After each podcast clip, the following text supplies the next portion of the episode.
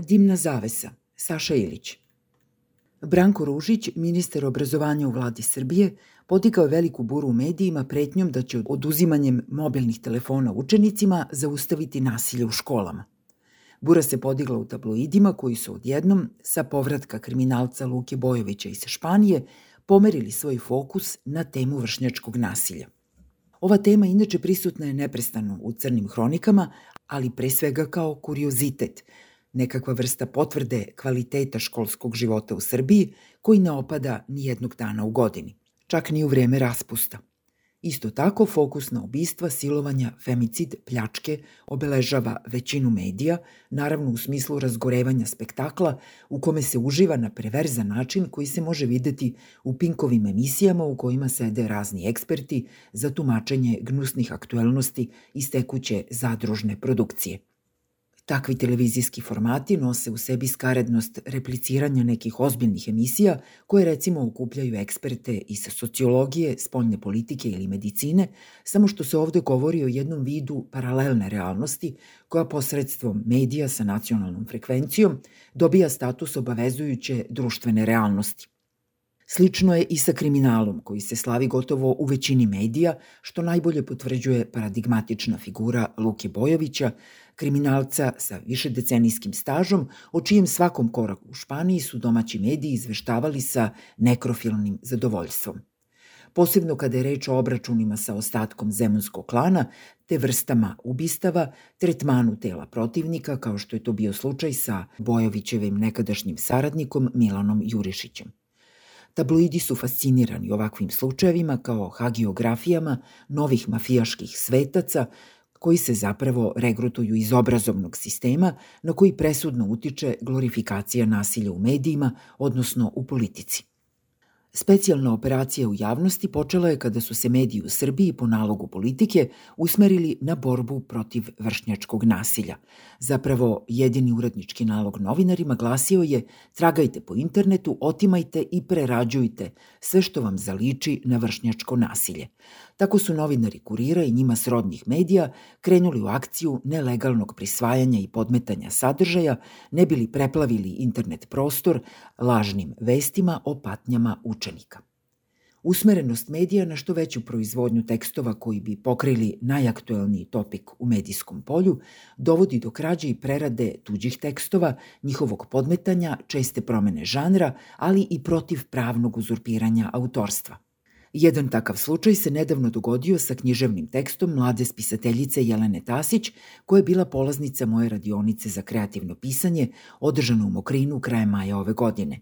Njena priča Šestica tematizovala je upravo vršnjačko nasilje i uvrštene je u zbornik angažovane kratke priče Mokrin čvor, produkcija Helsinškog odbora za ljudska prava u Srbiji. Takva priča u roku od nekoliko dana, tačnije od 28. novembra do 4. decembra, usled kriminalnog odnosa pojedinih medija prema autorstvu, novinarskom kodeksu, javnosti i čitaocima, doživela nekoliko transformacija, o čemu je vrlo precizno izvestio portal raskrinkavanje.rs, specijalizovan za osvetljavanje slučajeva plasiranja lažnih vesti i svih drugih medijskih manipulacija.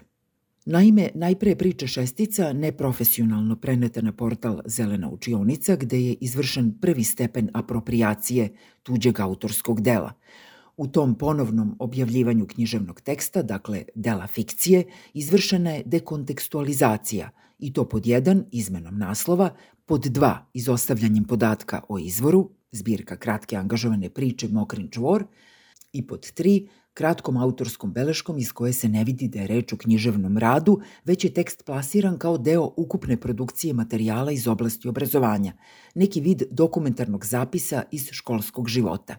Tekst je plasiran kao da je ekskluzivno pisan za portal Zelena učionica. Međutim, još neko je pomislio da je tekst pisan ekskluzivno za njega. Novinari kurira koji su krenuli u pretragu interneta naišli su na ovako plasiranu priču pa su pomislili da ako može zelena učionica da izvrši izvesnu apropriaciju, onda to mogu i oni, ali pametnije.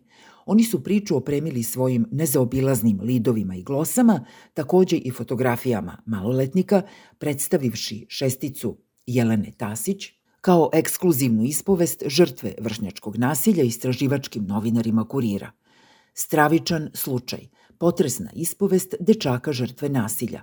Prvi put sam pljuvao krv sa 15 godina.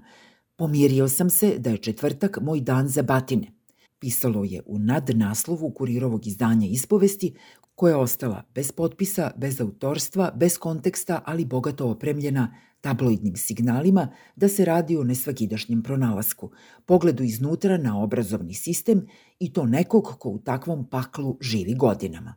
Zapravo, u paklu ovakvog novinarstva čitava zemlja živi decenijama, a čitateljstvo svakodnevno konzumira na tone lažnih vesti, podmetnutih, prerađenih, starih, neslučajnih rekla kazala informacija od kojih tabloidni mediji 90% onih sa nacionalnom frekvencijom proizvode hibridnu stvarnost koja počiva na konsenzusu o laži. Na kreiranju ekstra profita u dosluhu sa političkim strukturama kojima ovakva stvarnost omogućava vođenje stalne političke kampanje.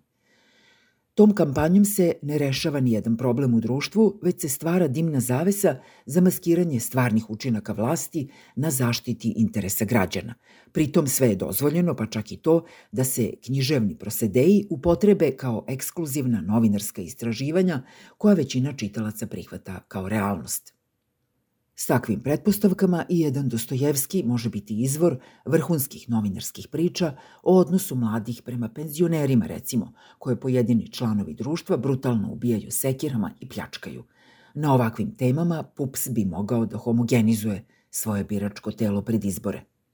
Za operacijom kurira poveo se i Pink, Tek kada se spisateljica Jelena Tasić obratila kuriru sa zahtevom da se njen zloupotrebljeni književni tekst ukloni sa njihovog sajta, to je učinjeno, ali je zato ostao i dalje na stranicama pink.rs i zelene učionice. Na prvoj predstavljen kao ispovest iz hronike, na drugoj kao dokumentarni zapis iz školskog života. Ovako se zahuktala kampanja ministra Ružića. Pretpostavljam da su istraživači i eksperti iz Ministarstva obrazovanja na sličan način prikupili podatke o problemima obrazovnog sistema kao što su to učinili njihovi mediji.